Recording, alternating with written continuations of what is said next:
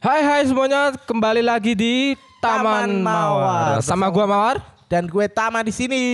and welcome to the show. Oke, sorry banget nih guys. Udah kurang lebih satu minggu kita nggak Iya. podcast kita, ya Tam. Kita kaku banget nih, Hmm. War. Kaku banget karena ini udah berapa purnama kita nggak podcast gitu yang di-upload tuh curhatan gua mulu ya kan. Lo ah, parah sih lo. Lo nggak pernah bisa record sih lo. Wah, parah banget sih. Baru kali ini Mawar hadir kembali di Taman Podcast buat ngisi podcast biar podcast kita tuh lebih berwarna gitu kan. Lu ke mana aja? Gua sibuk cok. Sibuk apa? Ya Lu ada lah sibuk kegiatan apa? di rumah. Oh gitu, oke. Lu berani ngambil job lain ya sekarang ya, oke. Astaga. Sebelum kita, sebelum kita apa? Apa namanya? Sebelum kita lanjut ke pembahasan. Ini gara-gara jarang iya. udah lama udah nggak lama nggak nih. podcast, jadi gua agak bingung nih mau ngomong apa nih. Nah, Agak kaku juga. sekarang kita mau bahas apa nih Tam? Ntar, sebelum kita lanjut ke pembahasan berikutnya, kita mau ucapin selamat oh dulu iya, nih selamat buat, buat putranya Pak Jokowi, Mas Gibran, yang sudah baru aja dilantik jadi wali kota, Wali kota. Solo. Semoga amanah, semoga bisa menjalankan tugasnya dengan baik. Amin. Siap. Oke, sekarang kita mau bahas Apa nih Tam? apa nih? Local pride atau apa lagi ya yang lagi hits tuh?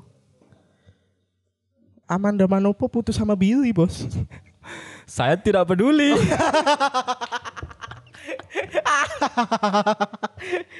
Terus apa dong?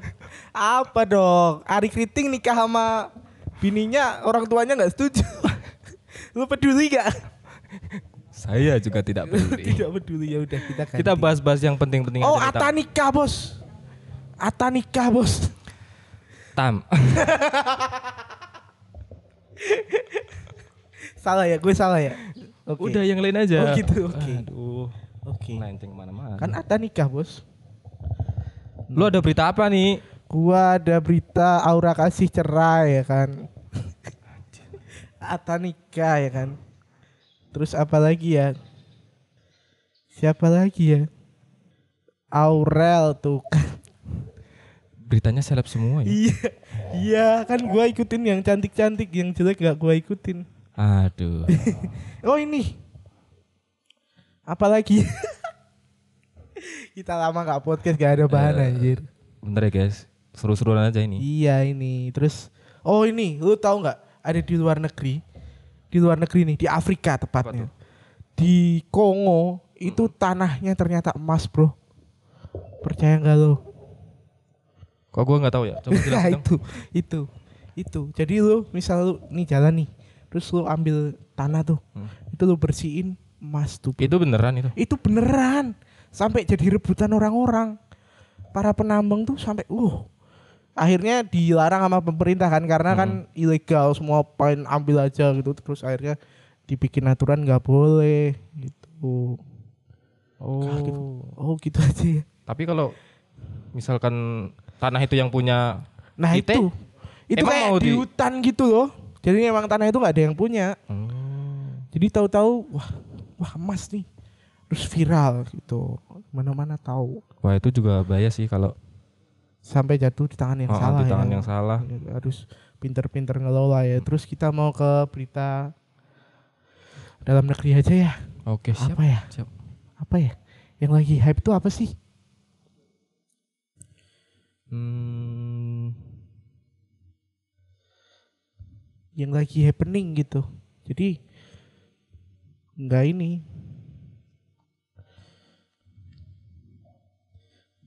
Sorry ya guys, kita podcast santai-santai aja. iya lagi santai nih karena ini kita jujur aja masih bingung topiknya apa ada Kaisang bro Kaisang kenapa? Kaisang putus sama Felicia Dari tadi seleb mulu, seleb mulu, percintaan mulu, percintaan. Enggak. Yang guna nih Tam. Ya emang emang gitu. Tuh, banyak tuh. yang Masa gua mau ngomong politik takut gua. Gue juga takut. nanti. Aduh, ah sudahlah. Susah, susah, susah. Susah mau ngomong Nisa Sabian juga Nggak suka gelai. Ah, itu viral banget. Ah, Sumpah. Enggak itu sampai sampai hari ini bro masih menghiasi laman berita nasional. Aduh, aduh. Gila kali ya sampai orang tuanya ini loh apa mengungsi Nah, makanya itu. karena saking malunya. Makanya kalau Makanya lu kalau punya anak ntar jangan cakep-cakep bro. Apalagi cewek. Malu ntar kalau jadi pelakor. jangan, jangan. terus terus kalau zaman sekarang mau upload apa-apa di sosmed harus hati-hati ya. Kenapa bro? Jangan sembarangan lah. Emang ada ada kasus nih, ada kasus nih, kasus apa? Ya lu kan tahu dikit-dikit viral, dikit-dikit oh iya, emang viral. dikit-dikit viral, terus dikit-dikit klari- viral. klarifikasi. Iya, kemarin itu yang terbaru ini tentang eh kan ini akan ada liga kita kan mau bergulir ya. Ya. Piala Menpora ini akan jadi ajang pramusim di Indonesia di sepak bola.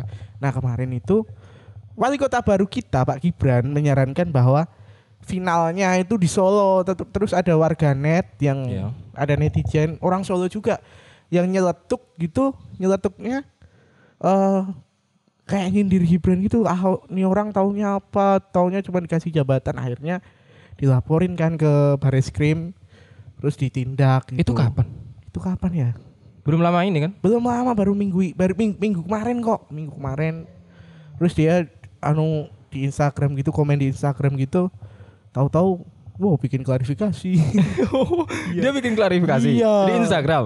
iya diupload sama kepolisian bro gitu Buat teman-teman hati-hati ya kalau mau ngepost-post apa. ya jangan suka nyindir-nyindir apalagi Ah, kritik-kritik. anak, anak presiden hati-hati lah iya jangan Gak cuma anak presiden Iya. doang, coy. iya main aman aja Nah, bro main aman aja. kita kan ya sama-sama cari duit lah. Mereka cari duit kita juga cari duit. Tapi ya jangan gitu-gitu amat Hati-hati. hati-hati aja. Jarimu harimau. iya itu, itu bener. ya, kalau dulu kan mulutmu harimaumu Nah, sekarang jarimu harimaumu. Oke. Sekarang kita mau bahas. Baru-baru ini bro eh pemerintah kita itu kan ini kan kita lagi pandemi ya. Pandemi itu kan kita sektor ekonomi kan eh apa lagi drop-dropnya jadi Terus ekonomi lokal kita kan hancur. Jadi pemerintah kita menganjurkan untuk kita eh, menggunakan produk-produk dalam negeri gitu. Jadi kita pakai produk-produk luar negeri jangan ngandalkan impor, impor, impor terus menerus gitu. Jadi memang kita harus ini ya support produk dalam Support negeri lah. ya. Jadi apa pun kita pemerintah kita menganjurkan buat beli produk dalam negeri biar ekonomi kita tuh cepat pulih gitu. Terus ngomongin COVID nih. Kita ngomongin COVID ya. COVID itu kan ini sudah satu tahun ya bro ya. Wah, Iya, udah kita ucapin selamat, ulang buat tahun COVID. buat COVID. Udah satu tahun Ya udah satu tahun menemani kita. menemani kita di Indonesia gitu ya. Telah membunuh berapa ratus ribu jiwa ya kan. Kami berterima kasih sekali karena Indonesia lebih lega sekarang ya. Lega dari mana? Orangnya nggak begitu banyak maksudnya. Nggak begitu banyak orang Oh, gitu. Kan sekarang udah vaksinasi juga. Kita mau mencapai tahapnya kita juga. Kita mau divaksin, Bro. Lu udah kedaftar belum? Belum, coy. Ya udah sama sih. Nah. Cuma cuma wacananya aja Hmm. katanya. Habis Tapi ini- kapannya itu kapan? Eh, tapi kapan ya mau di itu? bener? Katanya Lu sih ada berita-berita enggak? katanya sih habis puasa katanya, habis puasa, habis lebaran. Habis lebaran kita vaksin semuanya. Di Solo. Ya di Solo, semua seluruh Oh, Indonesia. oh, seluruh. Habis lebaran tuh udah selesai vaksinnya. Gitu. Terus ya siap-siap aja deh. Kita sebentar lagi yang kuliah akan online-nya udah habis. Mm-mm. Siap-siap masuk kuliah lagi. Siap-siap ketemu dosen lagi. Siap-siap emosi lagi ketemu dosen ya kan. Ya. Begitulah. Kan kan nggak ini. Ya udah, Oke. ya udah. Gue takut, Bro, mau bahas kayak gitu. Oh iya. Oh iya, takut ya sama Covid ya? Enggak, gua udah pernah. soalnya.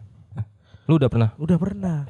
Lu nggak percaya kan? Enggak. Gue juga nggak percaya. Gue kasih tahu ya rasanya ya. Hmm. Lu kepo nggak? Pengen tahu nggak rasanya? Iya, pengen tahu. Tapi jangan nggak dirasain sekarang juga sih. Enggak, bukan gitu. Diceritain Bukan- aja. Gua cerita, gue cerita. Oh. Jadi gue kasih tahu rasanya gimana. Kemarin tuh bro, jadi waktu Natal itu gue nggak bisa Natalan. Mm. Karena Sedih banget karena Covid. itu lu kan kena ya? Iya, gue kena. Satu keluarga lu. Enggak, gue gua doang. Lah. Kan gue kena. Heeh. Tapi gue langsung kayak dikunciin gitu di kamar. ya udah teler kayak, kayak awalnya tuh teman gue kan Desember kan pulang dari Jakarta Hmm. nongkrong lah di kafe bareng-bareng gitu rame-rame Ya itu salah lu kenapa lu nongkrong? ya kan bukan bukan di situ masalahnya bukan di situ Nah. habis itu kan di kafe sampai jam dari jam 7 sampai jam 10 terus mau tutup kan diusir kan sama yang Hmm. punya kafe kan Iya. udah mau tutup soalnya dibilang gini ah masa baru jam segini pulang nih udah eh, apa mau ke mana kita nih ya udah akhirnya dugem bro. Ke itu ke klub ya kan? Dugem. Wow asik itu sampai jam 2 pagi. Jam 2 pagi gua baru pulang. Terus sampai rumah tuh kayak pusing-pusingnya bukan karena mabok. Beda. Pusingnya aku kayak, kayak sakit. Itu ada temen lu yang dari dari luar kota kan? iya dari Jakarta. Lah, Waktu itu itu kan- salahnya Anda. Kenapa Anda nongkrong dengan tapi- orang-orang? tapi dia sehat bukan Oh, bukan sehat. dari situnya bukan Serius? dari teman guanya tapi dari klubnya Tapi Anda sudah melanggar anjuran pemerintah. iya benar sekali karena kan nongkrong namanya anak muda bro Iya, anak iya. muda kan harus nongkrong harus have fun gitu Iya, tapi kan lu juga harus terus pulang dari klub itu pusingnya pusingnya bukan karena pusing mabok pusingnya pusing sakit terus habis itu ah, paling gua tidur gua mikirnya paling gua tidur sembuh akhirnya tidur kan gua Set.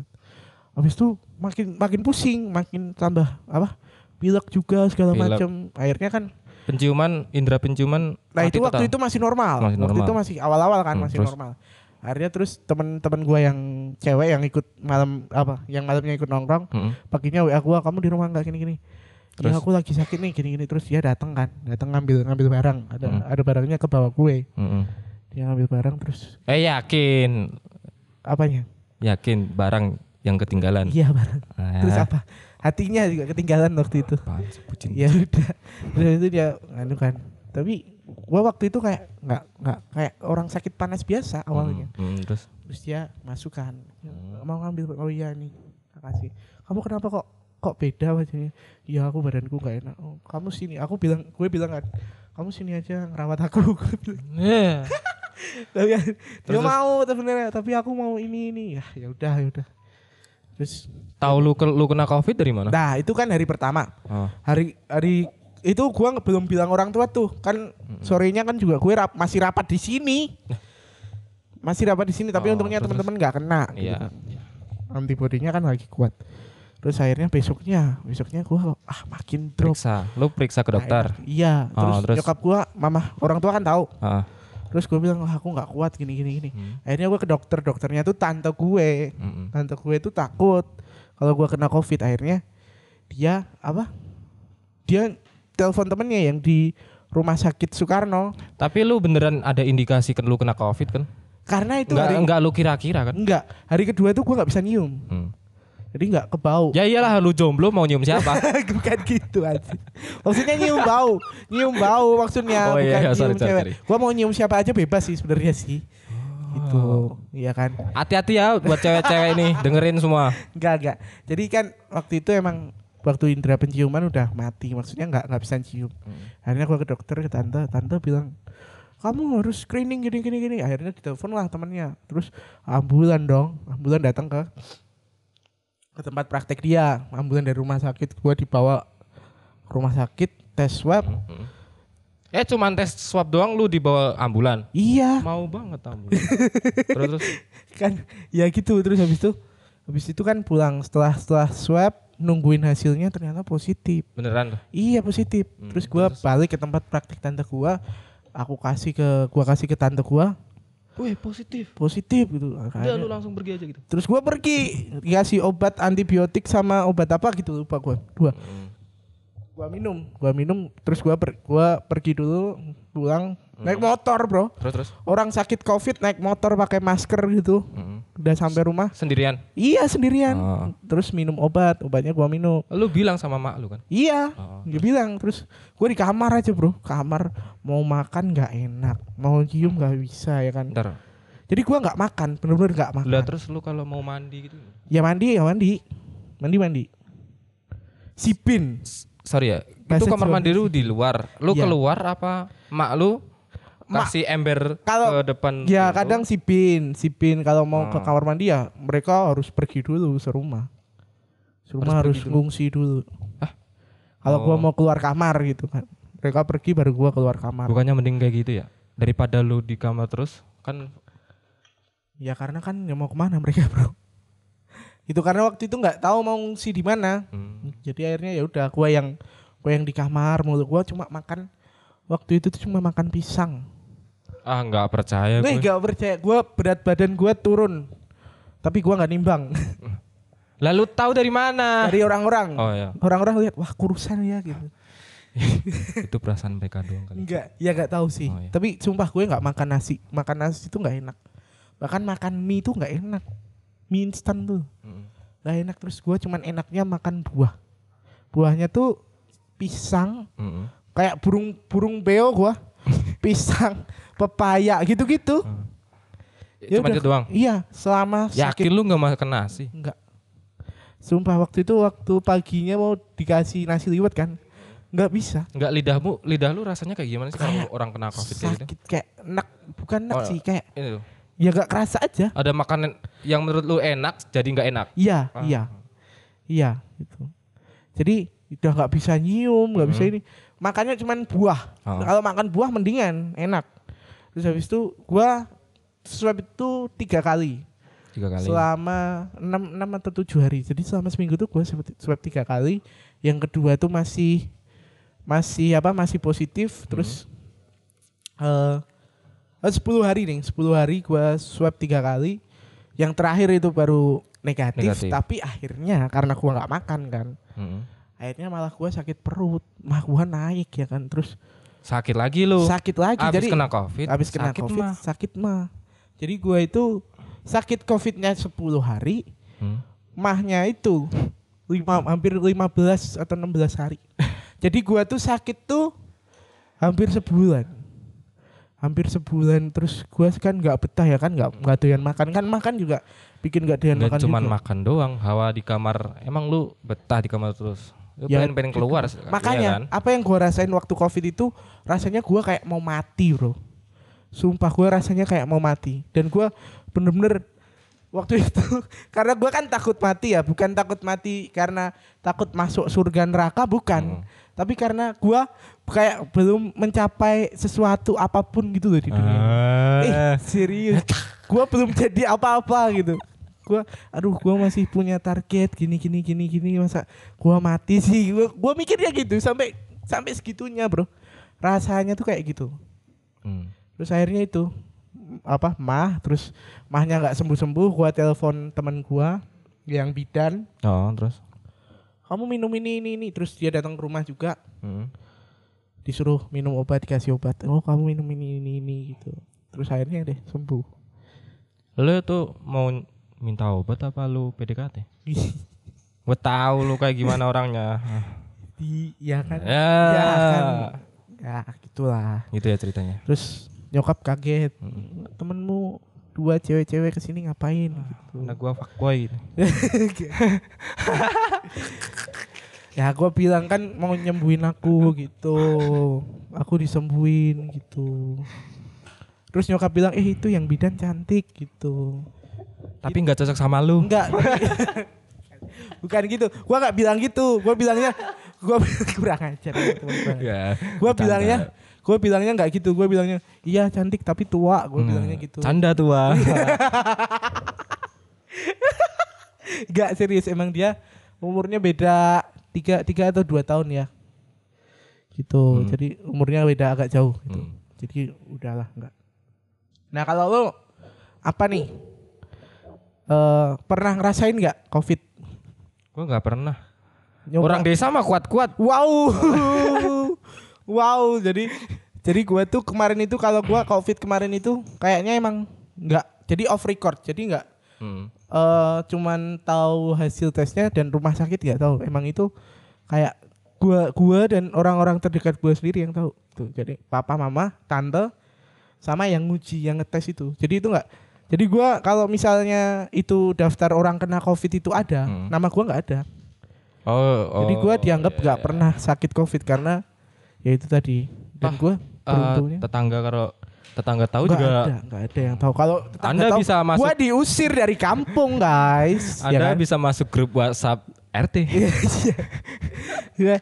Gua, habis itu Bu, tapi juga beruntungnya gua waktu itu tante gua baik banget. Mhm. Jadi difasilitasin semuanya.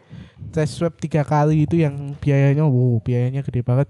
Itu di cover semua terus ya gua enak banget sih. Jadi cuman ya cuman gitu aja. Enggak enggak, enggak keluar duit lah. Oh. Yang penting kan lu udah sehat, Udah sehat, bisa. udah ini Oke. gitu. Dan orang-orang yang pertama tahu tuh orang orang kampus tuh anak senat gua kasih tahu. Mm-mm. teman-teman organisasi gue kasih tahu gitu gitu baru kalian gitu teman Tapi mereka bisa nerima kan? Enggak, wah kemarin gue nongkrong sama lu jadi ya Enggak, enggak, ya, ya. cuma bercanda doang gitu bercanda-bercanda gitu gitu untung lu nggak dijauhin ya. ya iya gua gua sempet gak, gak tahu ya mereka bercanda apa enggak Hmm. gua datang nih wah langsung pakai masker semua gua Itu mungkin beneran. sialan nih bercanda. orang-orang sialan nih gua udah sembuh anjir gua gitu. ah parah banget terus kan kita mau vaksin nih Mm-mm. siap nggak lu sama vaksin Wah. Gua nonton di itu YouTube YouTube kayak gitu. Emang ada orang vaksin divaksin di videoin? Oh enggak maksudnya gimana ya? Dampaknya itu. oh, lu tahu enggak sih? Enggak, enggak tahu. Aduh, Kalau Sinovac tuh dampaknya apa enggak tahu gua. mau cerita juga takut sebenarnya. Enggak apa-apa. Enggak apa-apa. Udah udah jangan bahas Oh ya udah. ya. Tapi lu siap di enggak maksudnya lu siap divaksin mau? Oh, mau. Mau. Tapi gratis. Iya kan gratis kan Sinovac kan gratis. Oke. Yang bayar kan yang satu juta berapa? Nah, itu kan Sinovac cuma lima ribu bos. itu juga jadi itu kan. Ya bedanya apa gitu kan? Oh, terus jadi, Jadi polemik sih. rame juga, pernah rame juga. Iya rame juga karena ini kan ya ya covid covid nggak kelar kelar ya. Terus eh, udah kemarin apa lagi ya yang ini Dampak ke sekolah, ke SMK, SMA, SD, SMP itu. wah, nah itu kasihan juga mereka. anak-anak anak-anak sekolah itu jadi kayak Mm-mm. kan mereka nggak ketemu temennya ya. Bukan Iya. cuman nggak ketemu temennya. Terus mereka di rumah terus. iya kan nggak ketemu temen Oh iya ya. oh. nggak ketemu temennya kan ketemu kalau kalau punya kakak ya ketemu kakaknya punya adik ya ketemu adiknya itu aja terus. Gimana mau bersosialisasi gitu. Jadi dampaknya ke ini kehidupan anak tuh ini banget itu. Apalagi yang mereka baru masuk ya. Mm-mm. mas apa siswa baru. Belum ketemu temennya. Gimana coba? Habis itu gurunya minta tugas kelompok. Ayo mau kelompokan sama siapa? Lu punya adik kan? punya gua. Nah itu kan WFH kan ya. iya. Nah adik lu kan suruh di rumah terus. iya. Terus dari dilarang sampai sekarang Iya. itu udah pernah masuk belum? belum Sama sekali. sama sekali gua yang ke sekolah nganterin tugas ngambil tugas gitu Oh gitu iya jadi yang ketemu gurunya gue gitu Kalau kayak gini terus lama-lama nggak ada sekolah gimana? Iya kalau Iya. kemarin itu ada seorang bupati bilang itu yang ditakutin tuh eh apa ya bukan coronanya tapi mental anak-anaknya ini jadi kalau tahu-tahu ini masih SD nih Mm-mm. Masih SD coronanya ternyata sampai dia SMP lulus SMP SMA kan Mm-mm. takutnya tuh pola pikirnya tuh masih anak SD gitu anak SMA tapi pola pikirnya masih anak SD lah Oh, ini gua, yang gua paham paham paham. generasinya ini yang generasi black gitu sebutnya generasi black karena emang pemikirannya beda Toh gitu. orang-orang juga perlu bergaul sama iya orang-orang, jangan makanya jadi kan biar doang. pola pikir kita berkembang biar bisa tahu gini itu dan sebagainya gitu kalau lo apa dampak covid buat lo apa?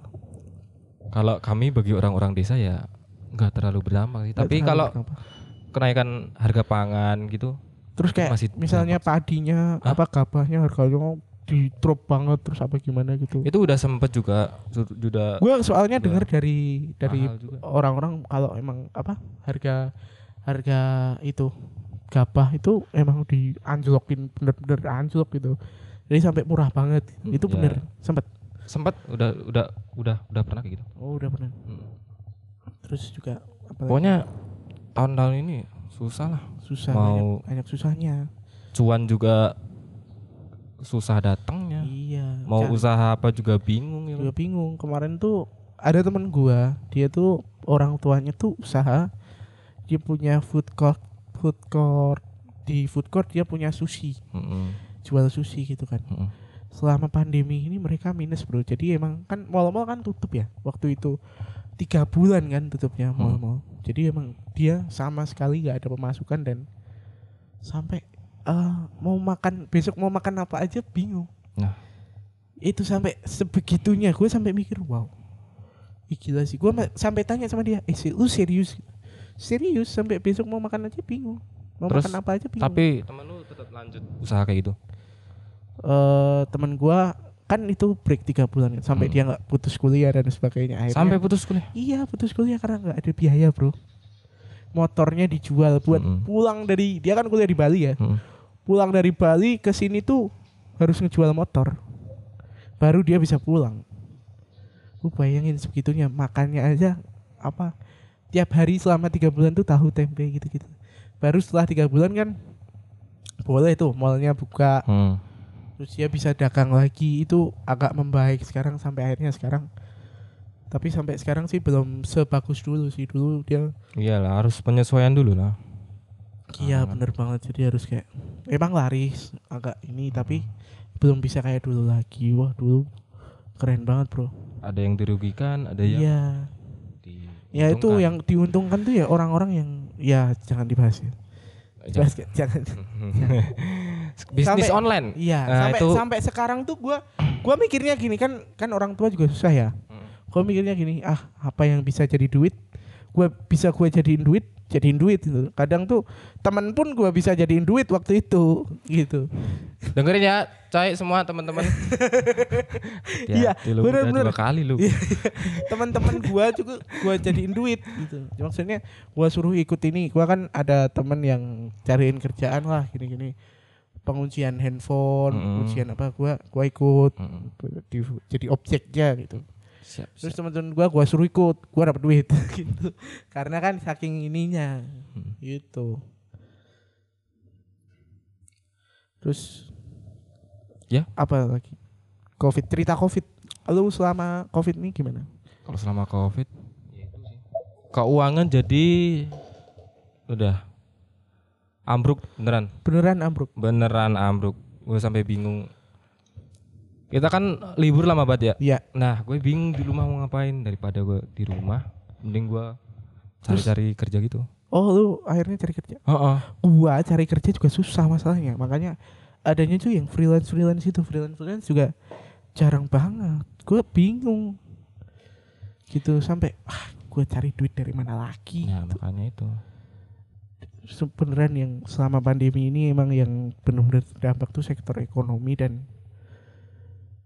eh, kerasa banget gitu bahkan pedagang-pedagang itu Mm. kita mungkin di Solo nggak pedagang di Solo nggak terlalu ini ya tapi di tempat-tempat wisata kayak di Jogja di Bali terus di mana di Bandung gitu ada Udah lumpuhnya. Iya, Lumpuh kayak- total. mereka yang menjajakan wisata budaya Mm. Kayak angklung lu tahu sanggar angklung Mang Ujo yang Hah? di Bandung? Wah, gue nggak tahu, Cuk. nah itu dia itu sampai bangkrut loh bro. Sampai dia nggak bisa bikin angklung lagi dan bikin pentas lagi. Terus?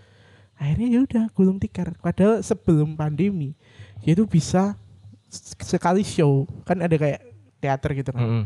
sekali show itu dia bisa mendapat meraup keuntungan 2 miliar rupiah. Dari penjualan tiket dari atau penjualan tiket dan dari penjualan tiket kan Hmm. banyak turis-turis tuh nonton tuh. Jadi itu dari sampai 2 miliar bro. Per hari bayangin. Terus dia masih jual angklung juga bikin angklung sampai juga. angklungnya yang dibuat dijual? Nggak laku. Nggak laku. sampai sekarang nggak laku. Dulu masih laku sekarang nggak laku. Nah, itu loh yang jadi masalah. iya. Ini kan sektor ekonomi kreatif gitu-gitu harus kita kembangkan. Jadi kita mulai dari ya dari artis-artis bikin podcast ini kan kita menawarkan eh, sektor-sektor yang ini biar bangkit lagi cepat bangkit lagi di tengah covid ini kita kita mau cerita apa lagi nih bro kira-kira nih Nah, kita mau cerita apa ya? Tentang sikap deh. sikap gue Bukan. Terhadap? Maksudnya kebiasaan kita. Jarang banget orang punya kebiasaan kayak gini. Lu tau nggak apa? apa On time. tepat Waduh, waktu. waduh. Nah, Wah, ini jendir Itu- rekannya nih. gue juga juga kayak gitu, Cok. Iya, iya. mungkin dari 10 orang cuman ada satu orang tok yang yang on time. yang on time. Mungkin Ya, kita punya tim- sikap yang kayak gitu loh. Ntar dulu, tim kita on time semua. Oh iya, makanya. Cuma ininya doang yang on Ini, time. Ini doang. Podcasternya doang nggak on time. Ya maaf, gua kemarin yang kemarin itu kan gua kan pada datang kan jam 8. Lu juga datang jam 8 kan? Gua juga makanya. Gua datang Nah, ini jam 11 karena gua kesiangan. ini sebenarnya penting banget, Cok. Kalau lu mau ketemu sama atasan lu, Iya, sama yang penting-penting, Iya. itu jangan bilang oh nanti janjian sekitar jam 4 ya, Pak. Jam segini ya, Pak. Gua kalau Nah. janjian sukanya gitu. Nah, Jadi, jangan gitu, Cok. Jam 4-an, jam berapaan gitu. Jadi kalau lu Jadi adaannya nggak jam 3 gitu kan. Berarti kan gua harus sampai jam 3. Itu adaannya. Berarti kan gua bisa lebih. itu mungkin kalau Itu. s- kalangan temen nggak apa-apa Iya. tapi ntar kalau lu kerja atau lu bisnis apa sama klien lu nah Gua- itu nggak bisa kalau gitu waktu waktu jadi freelance waktu itu kan janjian buat briefing eh kita briefing jam berapa gitu kan. Ya jam empatan lah gitu. Gue masih gitu. Jam empatan lah. Gue sampai sono setengah lima. Jam lima kurang gitu. Gue baru datang gitu. Eh, yang mau ngebriefing udah nunggu gitu kan. Gue baru datang oh ya sorry ya telat. Gini gini gini gitu. Jadi tapi kalau eh, teman-teman ya biasa nongkrong-nongkrong itu kita juga eh, apa bisa santai maksudnya. Iya. Kalau nongkrong, kalau di tongkrongan emang gua nggak mau datang duluan, gabut. gabut. Jadi Iya kalau kan? lu kalau lu mau ketemu orang penting lu harus apa? Bilang janjian atau janjian yang spesifik. Misalnya kan ketemuan jam 4.15 sih Pak, 4.30. Oh gitu. Nggak pernah gua. Maksudnya sama sama seorang mantan wali kota aja. Gue bilangnya jam empatan. Nah, seharusnya lu yang lebih Jadi gue spesifik. Di rumahnya kan, Mm-mm. dia udah nunggu di depan Nah. gitu ya kan sambil rokokan. Maaf pak saya terlambat ya gitu-gitu. oh ya nggak apa-apa mas duduk duduk gitu briefing ngobrol gitu-gitu. Gue gitu. Jadi gitu. Jadi parah banget ya gue ya. Lu harus yang lebih spesifik lah. Maksudnya 4.30, 4.15 sampai menit-menitnya lu sebutin. Lu lu pernah Apa? Apa telat gitu? Wah, gue sering banget itu. Jadi sering Sampai banget. gue diceramain. banget, tapi nasehatin gimana? Ini nasihat dari orang lain. Oh, Gue gitu. sampaikan ke kalian. oh gitu, bukan dari lu. Bukan. iya gitu, ya, oke oke. Tapi Gitu. lu gimana? Lu juga kayak gua, maksudnya janjian jam 4 itu jam 4-an Iya. atau iya sama. Iya, susah emang kalau mau bangun kebiasaan yang gitu. Gua loh waktu kapan itu ada teman-teman juga jam berapa? Jam 3-an. Padahal Mm-mm. urgent banget tuh. Mm-mm. Dia udah nunggu gitu. Mana ya? Buat diteleponin Mm. gitu-gitu. Jose OTW, gue bilang gitu. Nah, dari sikap itulah nanti kita bisa dapat respect dari mereka-mereka. Iya, Nah, bener juga sih. sebenarnya ya Ya itu itu hal kecil tapi simpel tapi itu penting banget. penting tuh susah mau Susah kalau nggak banget, susah terbiasa. banget. Bahkan Nah, kadang pemimpin-pemimpin kita pun juga ada yang gitu telat gitu-gitu dengan berbagai macam alasan lah. Nah, Ini nggak dari- cuman dari kalangan bawah juga, dari kalangan atas juga gitu. Bahkan orang yang berpengalaman pun masih kayak gitu. Jadi itu hal penting. Mm, tap- Itulah itu nasihat hari ini ya. tapi tapi tapi kalau lu kalau yang ngajak janjian lu 4.30 misalkan jam 4.30 nah yang lu mau ajak janjian itu Telat. datang telat tapi orang itu penting maksudnya lu yang butuh ya lu telan aja maksudnya jangan sakit hati gitu loh Oh, kan lu yang kalau gua kalau kalau gua emang kalau waktu gua bikin janjian misalnya sama orang penting nih. Mm-mm. Misalnya lu penting nih buat gua nih. maksudnya lu butuh banget nih. Iya, gua Nah, butuh lu nih. mm-mm. Janjian, nih gua butuh lu nih jam jam 4.30 misalnya. Gua nungguin lu datang dulu, baru gua datang. Nah, iya. Padahal kan yang butuh gua. Tapi gua nungguin lu dulu datang. Ya itu gua. Gua nggak mau itu sendirian gitu. Jadi eh oke, mungkin terima kasih buat nasihatnya Bang. yang nasihatin suka ini sendiri, suka ini apa telat-telat juga. kita sudahi aja ya oke obrolan udah kita. Berapa menit tadi ya? 30 menit ya? Wow. 30 menit kita udah nemenin kita kalian comeback, semua. Comeback kita 30 menit di sini. Dan jangan bosan-bosan buat dengerin ocehan kita. Gue Mawar, gue Tama. Sampai jumpa di podcast selanjutnya. And see you next time.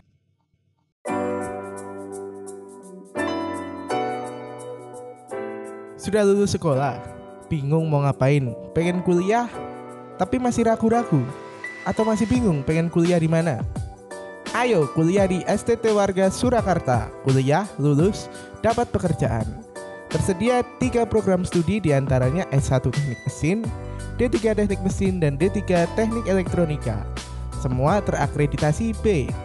Pendaftaran dibuka pada tanggal 2 Januari 2021 sampai dengan 31 Agustus 2021.